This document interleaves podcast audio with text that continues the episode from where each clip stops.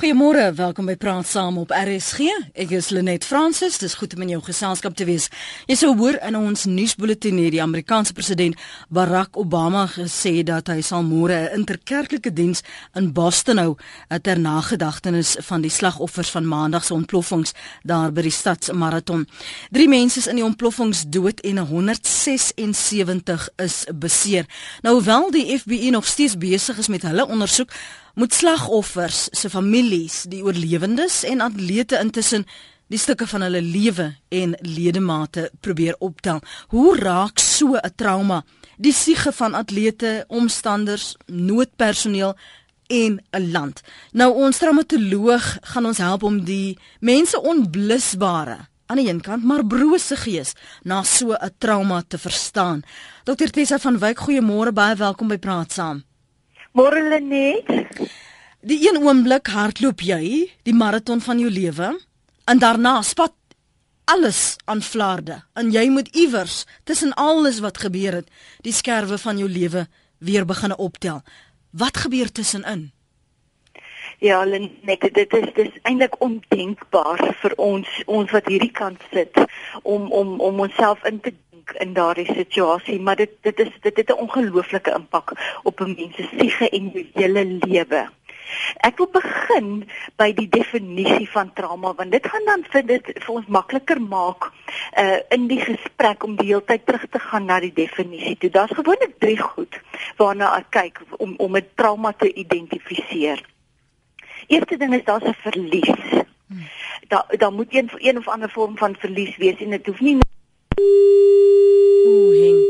Lyk vir my ons het haar verloor. Ons gaan haar terug probeer kry uh, op die nommer wat uh, beskikbaar is. Jy kan intussen ook saamgesels op die wyse waarna ek verwys het. 'n Mens kyk net beeldmateriaal um op televisie en jy hoor die berigte en tensy jy dalk dit self al meegemaak het, het 'n mens nie noodwendig die insig um, wat so 'n uh, uh, geval, so 'n insident aan 'n mens doen nie. Ek onthou jare gelede die beriggewing rondom uh, die Woesterbom aanval en natuurlik daar by Planet Hollywood aan die waterkant en hoe dit ons in Suid-Afrika geraak het. Jy sou vanoggend as jy na monitor geluister het, gehoor het, um, toe Isak van haar SMS'e lees, baie luisteraars wat in die besonderste detail nog dinge onthou wat hulle ervaar het, wat hulle gesien het. Dr Tessa van Wyk is intussen terug by ons Tessa. Jammer vir daardie tegniese probleem. Gaan gerus voort.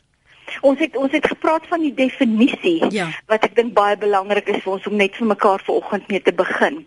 Die eerste ding waarna kyk dan moet 'n vorm van 'n verlies wees wanneer daar so 'n insident gebeur en as ons kyk na na die ontploffing, daar's verskriklike verliese aan ledemate, maar ook 'n verlies aan aan aan aan vryheid, jou vrees wat jy het en al daai goed. Die tweede ding is die insident wat met jou gebeur moet 'n onherroepelike verandering in jou lewe teweegbring. En dit is baie duidelik dat na so 'n ontploffing daar 'n onherroepelike verandering sal plaasvind in die persone wat daar naby was of of teenwoordig was. Hmm. En die derde wat 'n trauma insident met jou doen is dit affekteer jou dag tot dag funksionering mense sal vir my sê dit wat ek gewoonlik in staat was om te doen, uh, uh kan ek glad nou nie meer doen nie of of sal net vir my sê ek voel pieperig.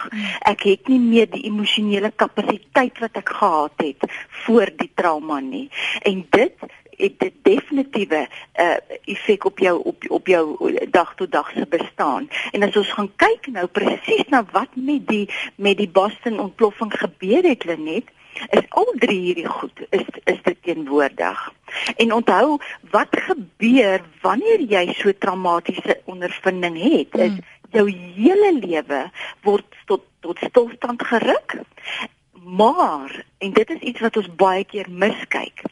Die persone betrokke word emosioneel gewond daar's fisiese wonding ook mm. wat plaasgevind het en en selfs dood wat wat baie tragies en traumaties is en dit is iets wat ons gewoonlik vergeet is die emosionele wond wat ons uh, wat wat plaasvind tydens so 'n proses of so so traumatiese insident. En dan 3 4 jaar later het ons nie aan daai emosionele wond aandag gegee nie. En dan is die groot probleem dan skop posttraumatiese stresdisorder in. Mm. en dan sit ons met groter probleme. Ek wil graag vir ons luisteraars geleentheid gee om jy weet ons sit hier ons kyk na hierdie beelde maar ons is nie onaangeraak daardeur nie. Um, ek weet wil net gou vinnig by jou hoor is dit nou sekondêre 'n uh, trauma wat ons ervaar is dit wat julle dit noem Dit is eintlik meer tweedehandse trauma. Wat ons ons praat van die Engelse woord sê dit baie mooi vicarious trauma wat ons te tweedehands deur dit te luister, deur dit te sien en en en te hoor en selfs van die mense wat familie daar gehad het wat wat wat betrokke was uit ons land uit. Jy weet, ervaar jy dit tweedehands en dit beteken uh, nie Lenet dat ons onaangeraak bly nie. Net deur dit aan te hoor, uh het presies dieselfde effek. Die intensiteit verander net uh, as wat jy self betrokke was by die by die insident. Maar dit het 'n geweldige effek. Jy kan vir jouself dink, wat het jy gedoen die oomblik toe jy dit hoor? Jy het onmiddellik tot stilstand gekom en sê, "Wat nou?" en en wat gebeur in jou jou jou binneste of in jou onderbewussyn? Jy voel onmiddellik onveilig en die een van e, die eerste reaksies wat meeste mense het is wanneer is dit ons beurt? Wanneer wanneer gaan dit na ons toe kom? Hmm. Uh, en jy weet dit het 'n geweldige eh, effek. Kollektief ja. is ons getraumatiseer deur dit net te sien op TV en dit aan te hoor. Kom ons gaan na ons lyne toe. Nikki is on Rodepoort. Môre Nikki, ons luister. Welkom. praat gerus Nikki. Kan ek praat? Asseblief. Uh moet ek dit maar eie uitpraat want neem jy dan net op? Nee, ek luister na jou Nikki. Dis Lenet. Jy's op die goeiedag. Dit is Nikki Olivier wat praat. Ek ja. is van Rodepoort. Mhm. Mm ehm um, dit was omtrent nou plus minus 50 jaar terug die stasiebom op uh, Johannesburg stasie. Mhm. Mm ehm um, ek was die middag uh op pad huis toe gewees. Ons ek het met die trein gery. En net toe ek op die platform staan en die trein uh se deure gaan oop toe is daar 'n geweldige ontploffing. Uh ek het opgehardloop met die trappe en toe ek reg bo by die trappe kom, toe sien ek hierdie vrou wat se bene basies afgeskiet is en sy sy fisies sy fisies aan die brand en die bloed spuit so by haar ore uit. Uh ek het dadelik my uh baadjie uitgetrek dit dit was koud geweest dit was ja. in die winter ja. het ek my baadjie uitgetrek in my trui en ek het my hemp uitgetrek en ek het hom om haar kop gedraai om om te verhoed om die uh, dat dat die bloed so uit haar uit haar kop uitspuit. Hmm. Uh haar haar vel was letterlik uh uh opgerol soos soos 'n perkament. Uh dit was dit was iets iets afskuwelik om te te aanskou en haar kleindogter was was by haar gewees en die kind se gesig was in flarde geskiet geweest. Ek ek ek onthou net die bloedplasma. Ek kon nie nog iets aan die, aan die kind doen nie want ek was te besig geweest om om met hierdie 'n uh, uh, dame, ek haar naam was Ethel Rees as ek reg onthou en die dogter se naam was Denise Burley. Ehm um, die bomplanter was uh, John Harris geweest. Hy het die die bom in 'n tas gesit en reg langs die sitplek gesit waar hierdie dame en haar dogter gesit het. Mm ek sal dit nooit vergeet nie. Jy weet dit is elke keer ek is nou al 67 jaar. Ja. Maar elke keer wanneer 'n mens ehm um, stil raak en en of as jy in 'n gesprek is en mense begin te praat oor hulle kinderdae dan kom hierdie ding maar weer van van voor af by jou op en jy sien dit ek dink dis iets wat ingeets is in jou hmm. lewe wat nooit uh, nooit sal weggaan nie. Dankie vir die saamgesels Netjie. Uh, dit is die ding waarby ek gou wil stil staan Tessa die van die luisteraars het het in soveel detail gesê hulle onthou 'n rok, die kleur van die rok, waar iemand gesit het, so ook het Nikki dit nou bewys. Waarom hou is daar daai klein goedjies wat jy so dink na al hierdie jare, ek was nie direk betrokke nie, um, dit het so lank gelede gebeur. Daardie detail, hoekom steek dit vas in jou geheue? Dis baie interessant net hoe ons brein werk. Ons het 'n linkerbrein en 'n regterbrein. En wanneer jy betrokke is in 'n traumatiese insident, soos soos byvoorbeeld wat Nikki nou vertel, skop jou regterbrein in en hy word dominant. en hy neem letterlik fotos van alles. Dit is dit is ook hy hy zoom letterlik in op sekere detail wat jy nou gedink het agterna ag nee wat dis nie vreeslik belangrik nie baie mense wat gekaap word of verkrag word sal inzoom en vir my sekere goed sê van die geweer se loop van dat hulle in detail die kolletjies daarop kan onthou en die kleur kan onthou en so aan. En dit is presies ook wat gebeur in die hantering van trauma is om juis hierdie prentjies te struktureer. Want onthou dit is letterlik soos 'n fotoalbum jou jou jou regte brein neem al hierdie fotos van al hierdie prentjies wat wat blits by jou verby maar dit is ongestruktureerd en dit veroorsaak emosionele chaos saam met die verwonding.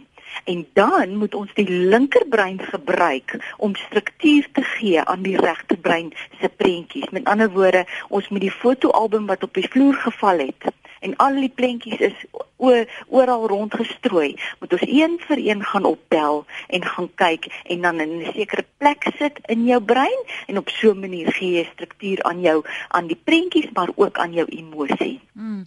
Anoniem sê Lenet in die jare 80 pas na my tweeling se geboorte het my oorlede man 'n hofsaak by die Landroshof in Johannesburg gehad. Ek kan nog goed onthou, ek het gelê en luister na die radio toe die boodskap deurkom van die bomontploffing. Ek kan dit nog onthou asof dit gister was. Die angs, die vrees. Niemand by die stasie waar hy gestasioneer was kon my enige antwoorde gee nie toe hy ongeveer 12 uur die aand by die huis kom, was ek behoorlik in 'n toestand, want elke keer as daar 'n kar voor die huis verbygaan, het ek gedink hulle kom sê my, my man is dood.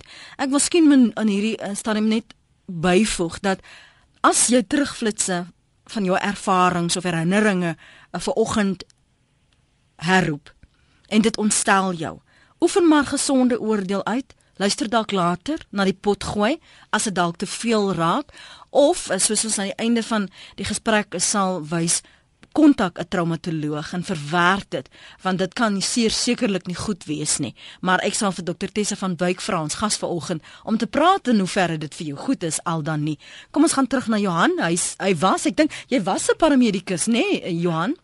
Hallo Lenet. Ja. Jy weet julle ons besef dit nie maar hierdie goed gebeur elke dag rondom ons en oor Paasnaweke. Jy weet 'n gelukkige gesin is op pad Wildtuin toe. En een helse ontploffing. En jou gesin lê in stukke rondom jou as jy nog by jou bewussin. En jy gedink aan daai helse trauma in 'n motorongeluk waar jy nou kop aan kop botsing het. Hmm. Weet jy dit is iets verskrikliks. Ek was by opleiding ook betrokke op 'n tyd. Die nuwe ouetjies wat jy so intoe vat om te gaan help. Jy weet die nuwe rekrute. Party van hulle hardloop weg. Sy godsdienst begin weer heel voor. Mm. Die net die trauma van 'n van 'n medic is al klaar verskriklik. Ons moet onthou dat in ons land is daar soveel honderde ongelukke elke dag wat miskien nie eens gerapporteer word nie want nou daar's nie eens mense dood daar nie daar oor ou Mosina. Mm. Die mense lê in stukke. Dit is regtig iets wat ons moet aandink om eers miskien sentrums te stig. Jy kan ook nou nie op 'n permanente basis daar ergens 'n gebou hier en net maar ons kan mense oplei om dit op 'n vrywillige basis te doen. Daar was 'n ongeluk, gaan soontoe. Die mense wat oorleef, praat met hulle. Jy weet uh, uh, ons sit met dieselfde ding net op 'n baie groter skaal. Ek sê vir jou 'n gelukkige gesin is besig om te ry en as 'n helse ontploffing Hier lê jou familie in stukke rondom jou. Dis net so erg. Want jy moet weet, daar by daai ouens was ons nog vryheidsvegters en what have you. Mm. Maar hier is so onnodig. Jy verstaan? Ja. Ek wil net dat onder ons mense se aandag bring dat daar in ons land 'n helse behoefte is. Kyk nou 'n paar na week, hoeveel honderde mense gaan dood. Mm. Ons hoor nie eens van die ongelukke waar daar nie mense dood is nie, maar mense vermink en so is. Ons moet bietjie daarin dink en ons kan daai daai uh, hoeveel het mense afbring deur ons padveiligheid. Mense wat op verkeerde plekke verbygaan. Dit is ja. alles deel daarvan om trauma te be te beraad. Goed. Janus moet daar laat asseblief. Kimmy op George. Hallo. Ja, ons luister na jou. Askies. Eh, sit nie die radio af asseblief Kimmy, ek luister na jou. Ek luister na jou. Ja, se kom. Af. Dankie. Praat gerus. Ja, ek uh, die man nou praat oor daardie bomontploffing 1964 was dit. 7 uh, 24 Julie was 'n Vrydagmiddag 17 minute oor 4. Ons was 'n paar manne wat in Hielbrau gebly het, kom van die werk af en kry mekaar gewoonlik daar by platform 5 en 6 by die Johannesburgstasie. So skuins oor was die teekamer gewees. Ons het 'n bietjie daar 'n pannekoek gaan eet. En toe ek daar kom, toe 5 en 6 vol. Uh, daar sit 'n hele klompie mense en ek gaan sit by 7 en 8 en ek dink nie ek het 10 sekondes gesit toe daardie bom afgaan nie. En daardie chaos wat daar geheers het en ek ek die persoon wat nou gepraat het ek kan nog duidelik voor my sien oor die persoon wat daar vir die ou dame gehelp het. Ek dink sy het nog van Kaltenbil afgekom sy na dogter. Ons het nog probeer help en die spoorwegpolisie was baie vinnig daar. Maar die gedagte dat ek sou by 65 sit wat my gewoonte was en ek gaan toe oor na 78 en ek dink dit vir seker vir 8 maande 9 maande het dit jou elke nag het dit jou bygekom. Waar jy stap waar jy doen dan dink jy was jy gelukkig? Was dit nie jou tyd nie? Maar jy sien daardie pyn en lyding en uh, baie keer as hulle daaroor praat dan is dit so 'n hoendervleis wat jy kry wat terugkom na jou toe. En dit was my ervaring op 24 Julie 17 minute oor 4 op 'n Vrydag 1967 dankie Kimmy daar van George. Kom ons staan staan by die gevoelens wat mense ervaar. Hy sê as ek 10 minute dit of 10 sekondes dit, dan kon dit ek gewees het. Wat is die emosies wat jy ervaar as jy byvoorbeeld soos die in die geval van Martin Richards die, die 8-jarige seentjie wat oorlede is se pa Bill aan hierdie reisies deelgeneem met jou kind, jou vrou, jou dogter was daar om jou te kom ondersteun. En nou het jy dele van hulle verloor. Hoe verwerk jy al daardie emosies, Tessa? uh, net die die emosies as ons daarby kan begin wat jy mm. ervaar is is baie ekstreme emosies.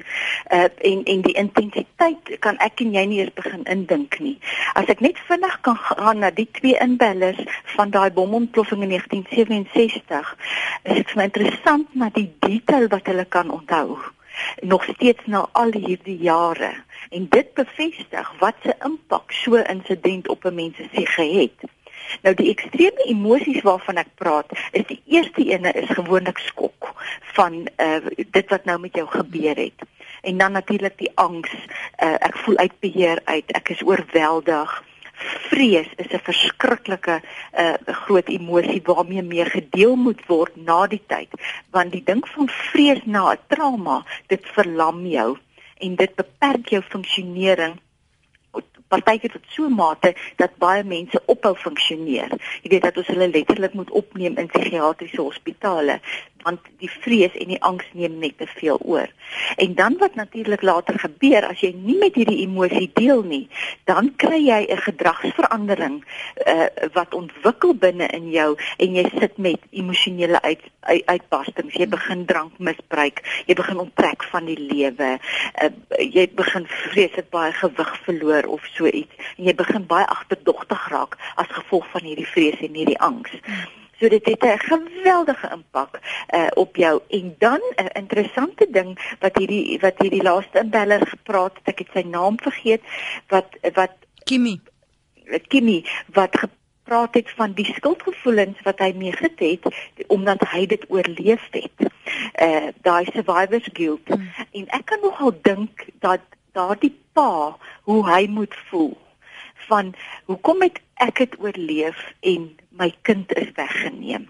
Jy weet daardie worsteling binne in hom uh, gaan moet professioneel aangespreek word en deurgewerk en deurgepraat word want dit is nogal 'n ding wat as jy so gekonfronteer word van hoekom het ek dit gemis en dit vat jou onmiddellik na 'n geestelike plek toe Lenet mm. waar jy begin vra vra van waar was God hoekom het God my gespaar Hoekom het God my seentjie van 8 jaar weggevat? Jy weet en wat wat die een van die inbellers ook gesê het van jou geloof word partykeer op so 'n plek bevraagteken binne in jouself, ehm um, dat jy half ongeankerd gelaat word en sê, "Maar ek weet nie eers meer waaroor gaan dit gaan die lewe nie. Die sin van die lewe het ek verloor en dit bring ongelooflike verwarring." Hmm. Robert sê ek het nou geluister wat die dame gesê het net glo my daar is duisende oud soldate wat vandag 25 jaar nog worstel met ernstige sielkundige probleme en die gevolge as gevolg van die trauma onder andere etlike bomme beleef wat afgegaan het wat hulle tydens die Bosoorlog moes deurmaak. Vandag is ons vergete en verstote en worstel maar net voort. Dankie vir daardie belangrike e-pos van jou Robert by www.rsg.co.za.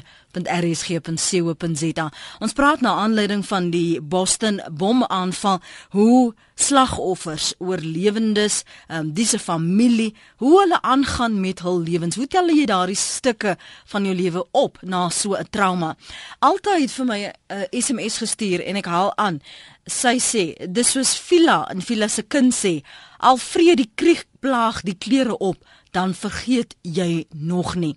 Jy kan bel op 089 1104 553. Dr Tesse van Wyk gee vir ons bietjie leiding in terme van hoe begin jy dan daardie stukke weer optel en aan te beweeg indien jy wel kan. En soos ek vooroggend ook gesê het, as jy weet dat dit bring um, herinneringe terug van 'n voorval of 'n insident waar jy deur 'n traumatiese ervaring was, gebruik maar jou oordeel en dink of jy ver oggend na hierdie program wil luister, want jy beskou jouself as sensitief, luister dan liewers later na die pot gooi by www.rsg.co.za. Chris, dankie dat jy vir ons aangehou het. Ons luister graag. Môre, ehm um, ek wil net vertel ek was so 19 jaar terug in 'n werksongeluk wat dit dit, by alse ontploffing gewees. Ons was vyf ouens wat gebrand het en ehm uh, toe dit gebeur, toe was alles het pikswart voor 'n ou geraak. Eerstens, tweede jy kon niks gesien het nie. Derdens, jy kan nie asem gehaal het nie want dit was met vuur warm lug. Maar toe dit gebeur, het dit nie deur my brein gegaan o, jene, ek gaan dood nie. My lewe het deur my verby my geflits. Dit was omtrent so 10, 15 sekondes. En agterna in die hospitaal het dit my omtrent 'n halfuur gevat om alles te recap wat binne daai 10 sekondes deur my brein geflits het. My punt wat ek wil maak is dit wys jou net as iets gebeur met hoe baie vinnige goed deur jou brein kan flits en agterna as jy nou net sit en dink vat dit jou langer as die 10 sekondes om oor as om op oor alles te laat dink, verstaan nie? Ja. En uh, ja, die nagevolge is as ek iemand sien brand, kry ek hoendervleis. Ja. Ek kry hoendervleis as dit warm is. Ek kry nie hoendervleis as dit koud is nie. Die son kan skyn, ek kan sweet, sweet. Skielik kry ek net hoendervleis van 'n kant. So dit is die nagevolge wat ek het as gevolg van daai traumatiese ehm um, ondervinding en o ja, hulle moet my nie eendag veraas nie, dan gaan ek by almal kom spoor. Chris, dankie. Chris se mening daarvan af eh, van Herbylpark. Marcel tweet, dis net soos die mense van Mangoes, Kerkstraat, Benoni, Wimpy, uh, St James Kerk dit gedoen het. Niks nuut nie. Uh, na ek daardie gil van vrees gehoor het, tweet Frans Visser oor die nuusberig toe die bomme afgaan het ek sommer hoendervleis gekry. Hy verwys ook na wat Chris praat van 'n hoendervleis. Maar ek het terugkom na wat Marcel hier sê, Tessa, uh, niks nuut nie. Jy het net gepraat van daar's 'n onherroepelike verandering en jy het gesê dit hang af van hierdie emosionele kapasiteit nou goed en wel as jy nuut nie. Ons het ons het deur uh, um September die 11de paar jaar gelede het ons gegaan.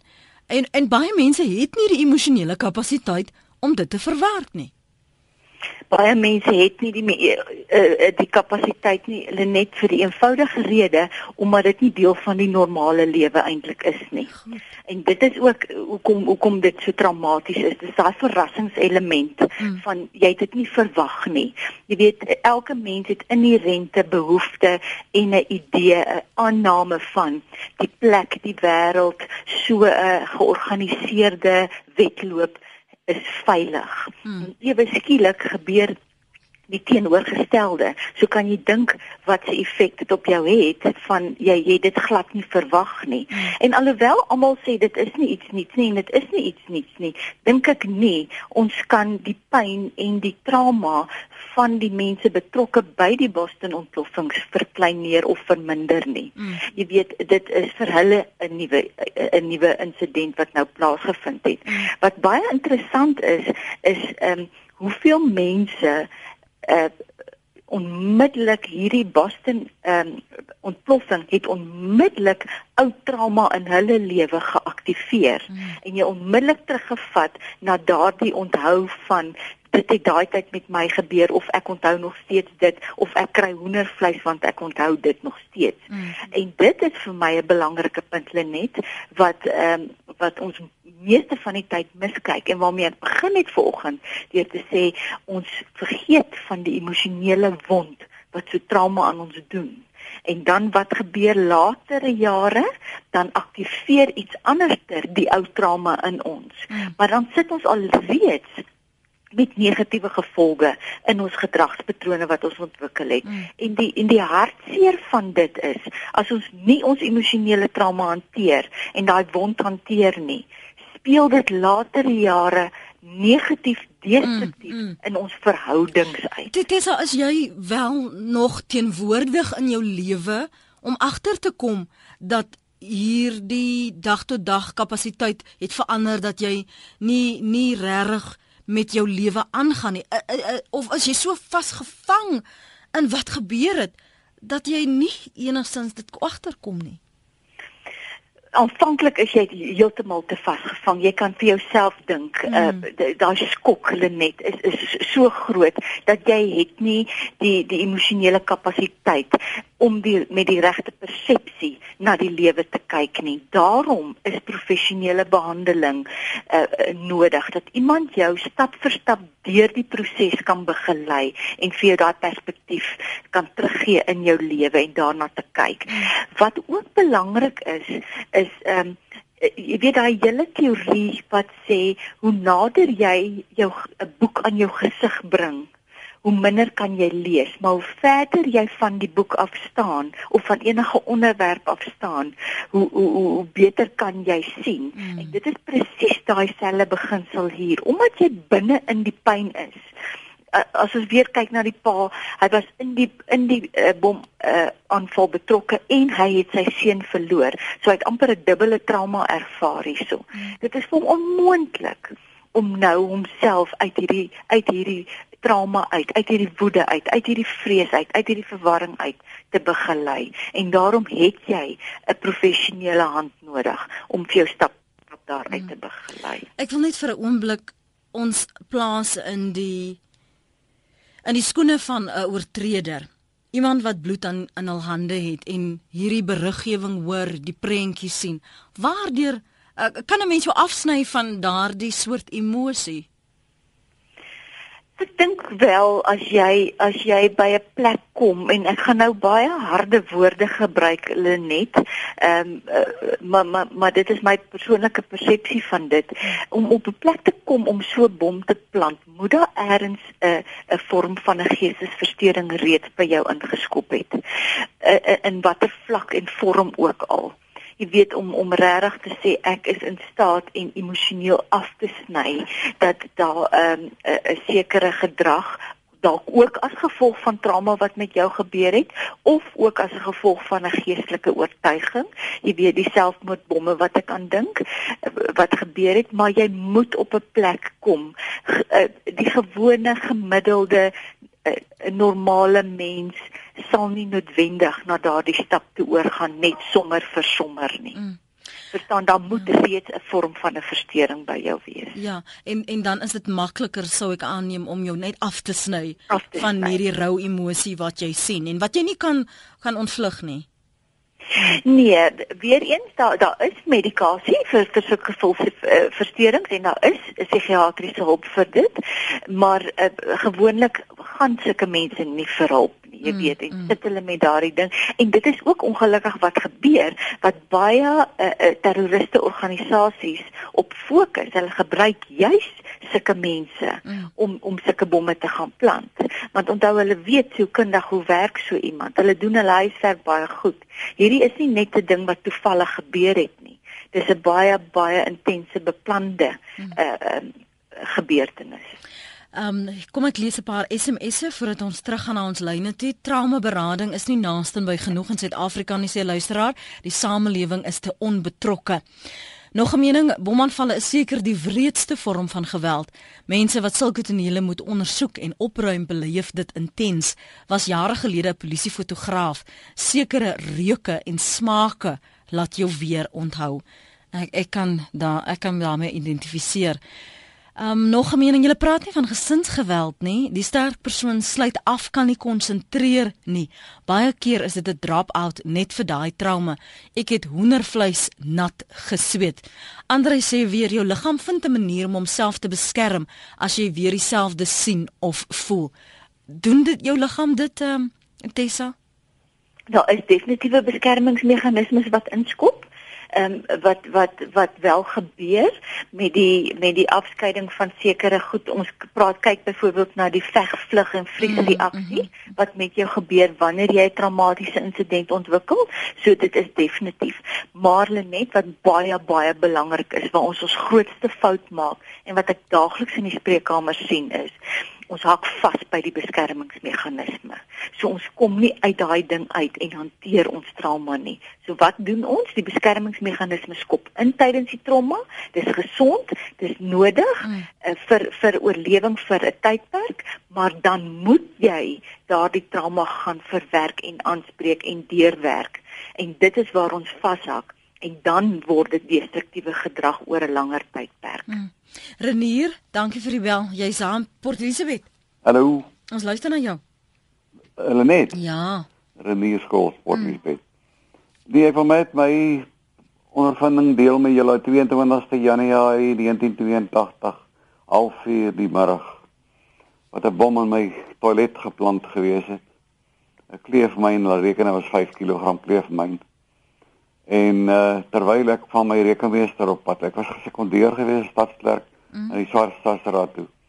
Terwyl ek in die gang afstap, dan van my rekenmeester af. Ek kom hier hoekom toe ontplof die bom. Die glasstukke, die ruite het na binne toe geval en sê hy suig hom in. Dit lyk soos waterval wat op jou afval. Maar maar vir myself het hy my in die lug gegooi en 'n ander kantoor in my kop teen die sielie gekap. Mm. En uh toe ons tot verhaal kom, toe ons nou gaan kyk, toe het die bomplanter op sy hurke gesit, vermoedelik, want sy kop was weg, sy bene was weg en die bom het ontplof terwyl hy hom geplant het. Sy brein het teen die ceiling gesit. Mm. En uh die polisie is ingekom en die plek afgekordon, maar het 'n gat dwars deur die eerste vloer se konkreet geruk tot in die wagkamer waar die mense gesit en wag het wat my te woord wou staan. En van hulle het 'n geringe beserings opgedoen. Ek het net 'n hou op my neus gekry. Gelukkig. Mm. Nou uh ek het nooit trauma behandeling gehad daarvoor maar ek onthou dit nog soos net net soos asof dit net nog gebeur het. Die al die detail, ek onthou dit presies. En uh die die persoon wat die bom geplant het, se pa, het tog daarna nog 'n minister geword maar hy is al oorlede. Mm. In, in die nuwe bedeling. Uh en my motor wat buitekant geparkeer gestaan het, sy hele bodywerk moes oorgedoen geword het van die van die glasstukke van die gebou en die stukkies sement en so aan. Mm, goed. Dit was 'n hele traumatiese affære geweest. Daar's ja. ander mense op in die kantoor. Hulle het almal in die venster in die vensters gaan staan en gelukkig het niemand iets oorgekom nie. Goed. Renier baie dankie vir die saamgesels. Waardeer dit.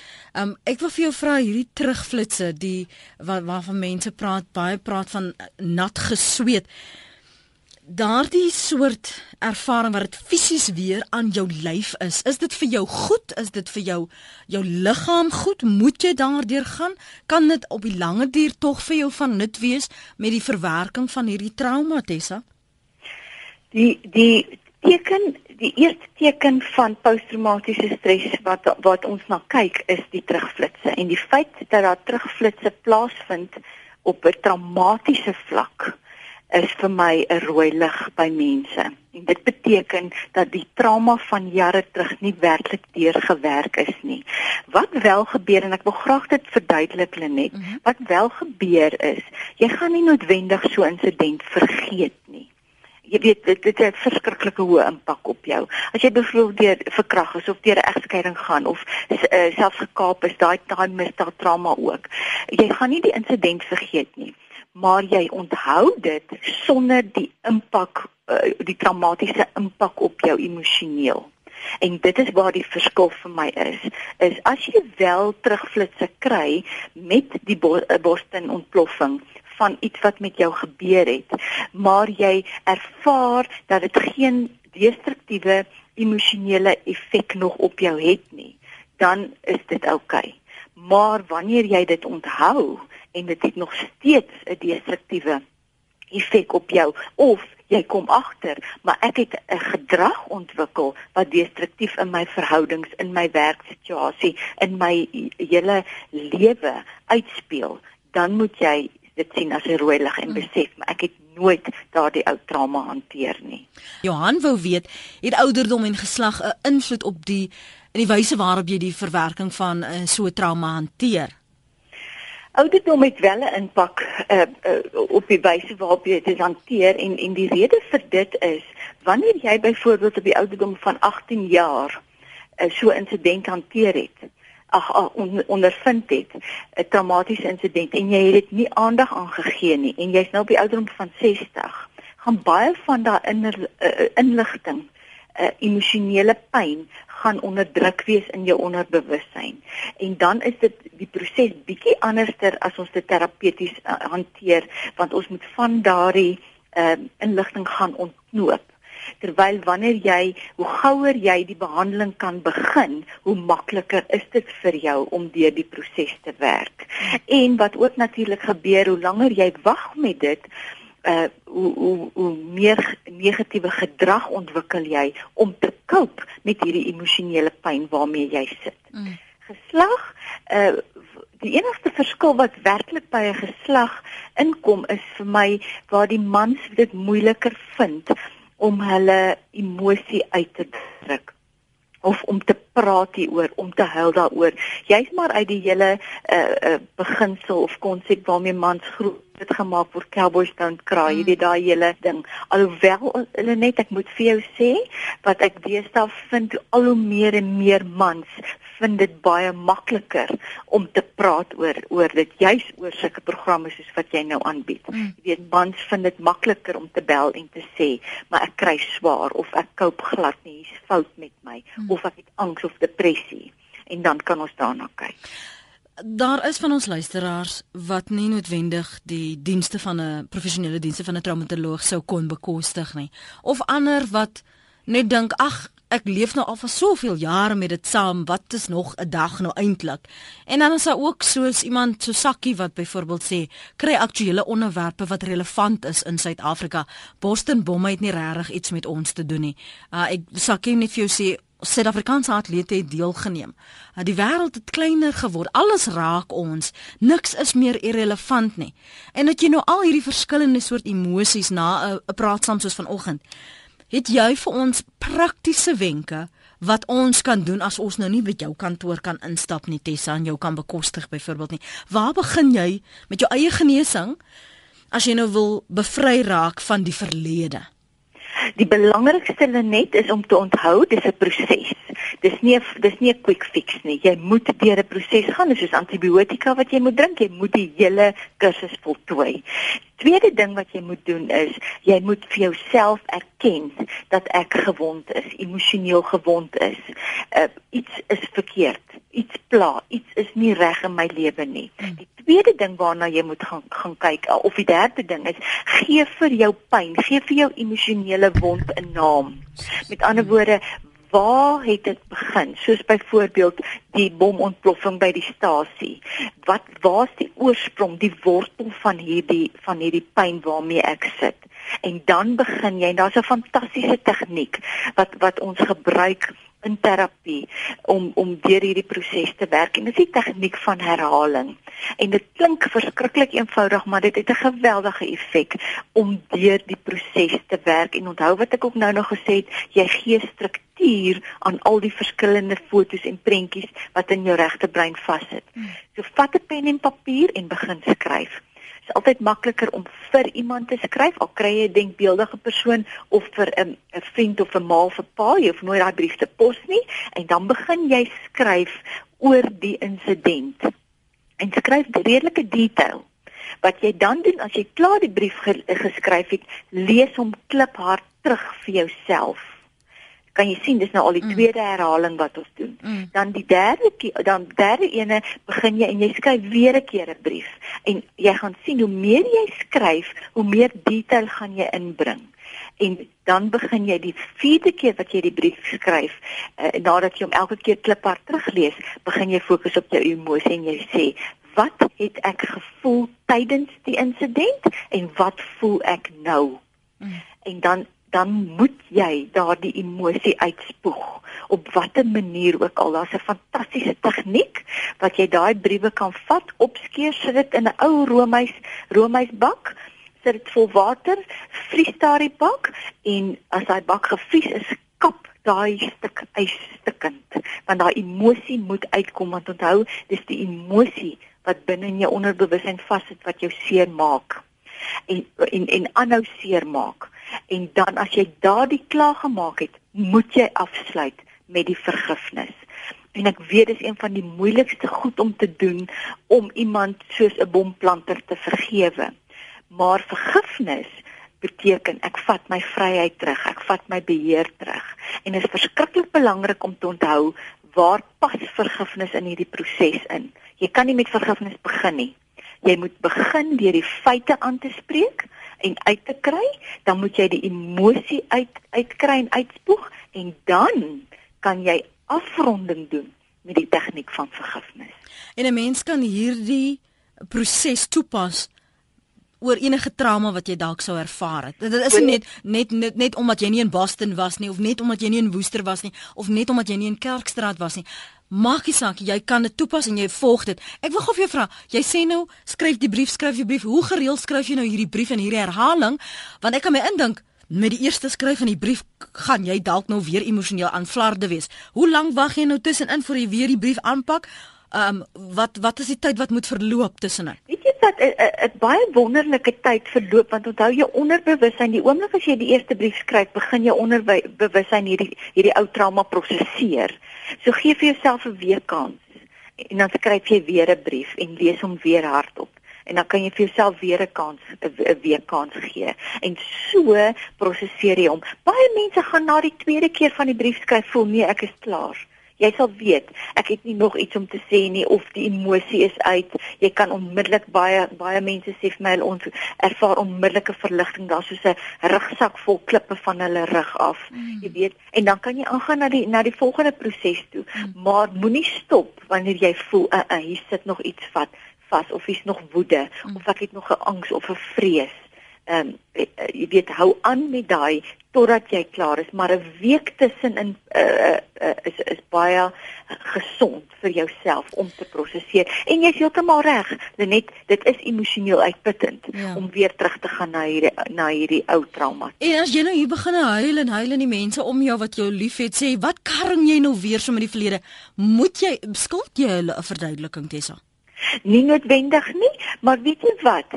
Ek dink dit is een van die goed wat ons moet normaliseer as ek daardie woord kan gebruik uh in in ons samelewing vandag omdat ons getraumatiseerde land is.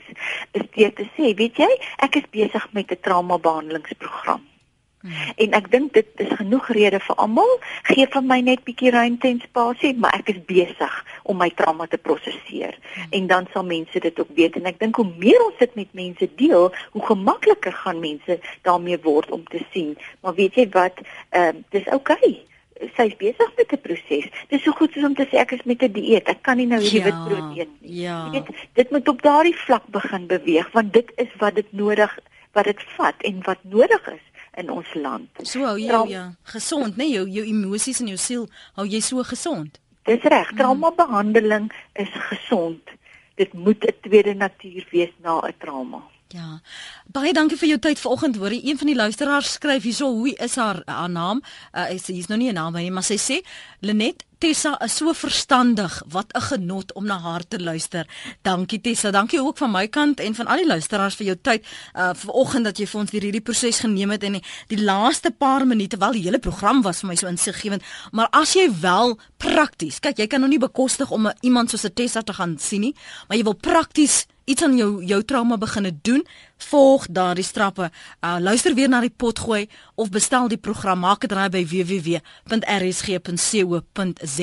Neem jy het jy 'n webblad waar mense jou kan opspoor Tessa of uh, e nee, maar ek het a, ek het 'n e-mailadres wat okay. hulle my enige tyd uh, kan kan uh, e-pos stuur. Mm -hmm. Is Doctessa D O C T E S S A ja @gmail.com. Dit is maklik genoeg.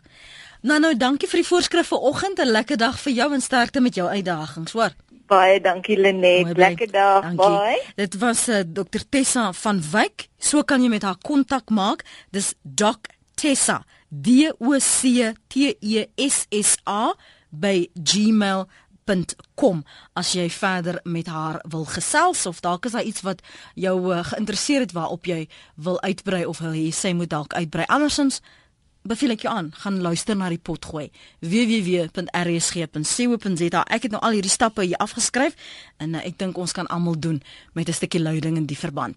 Kom ons luister na Garth Taylor se Piece of Me vir ons uh, Kaap toe skuif en met Martelies Brink en Johan Rademan in vanoggend se oggend op RSG kuier. Onthou jy is baie welkom ook om jou navrae aan ons terug vir alles wat nou betreffende praat saam is. My e-posadres is linet@rsg.co.za en vir diegene wat uh, ons luisteraar van maandagooggend wil help, ek het sy besonderhede, ek sal dit vir jou aanstuur.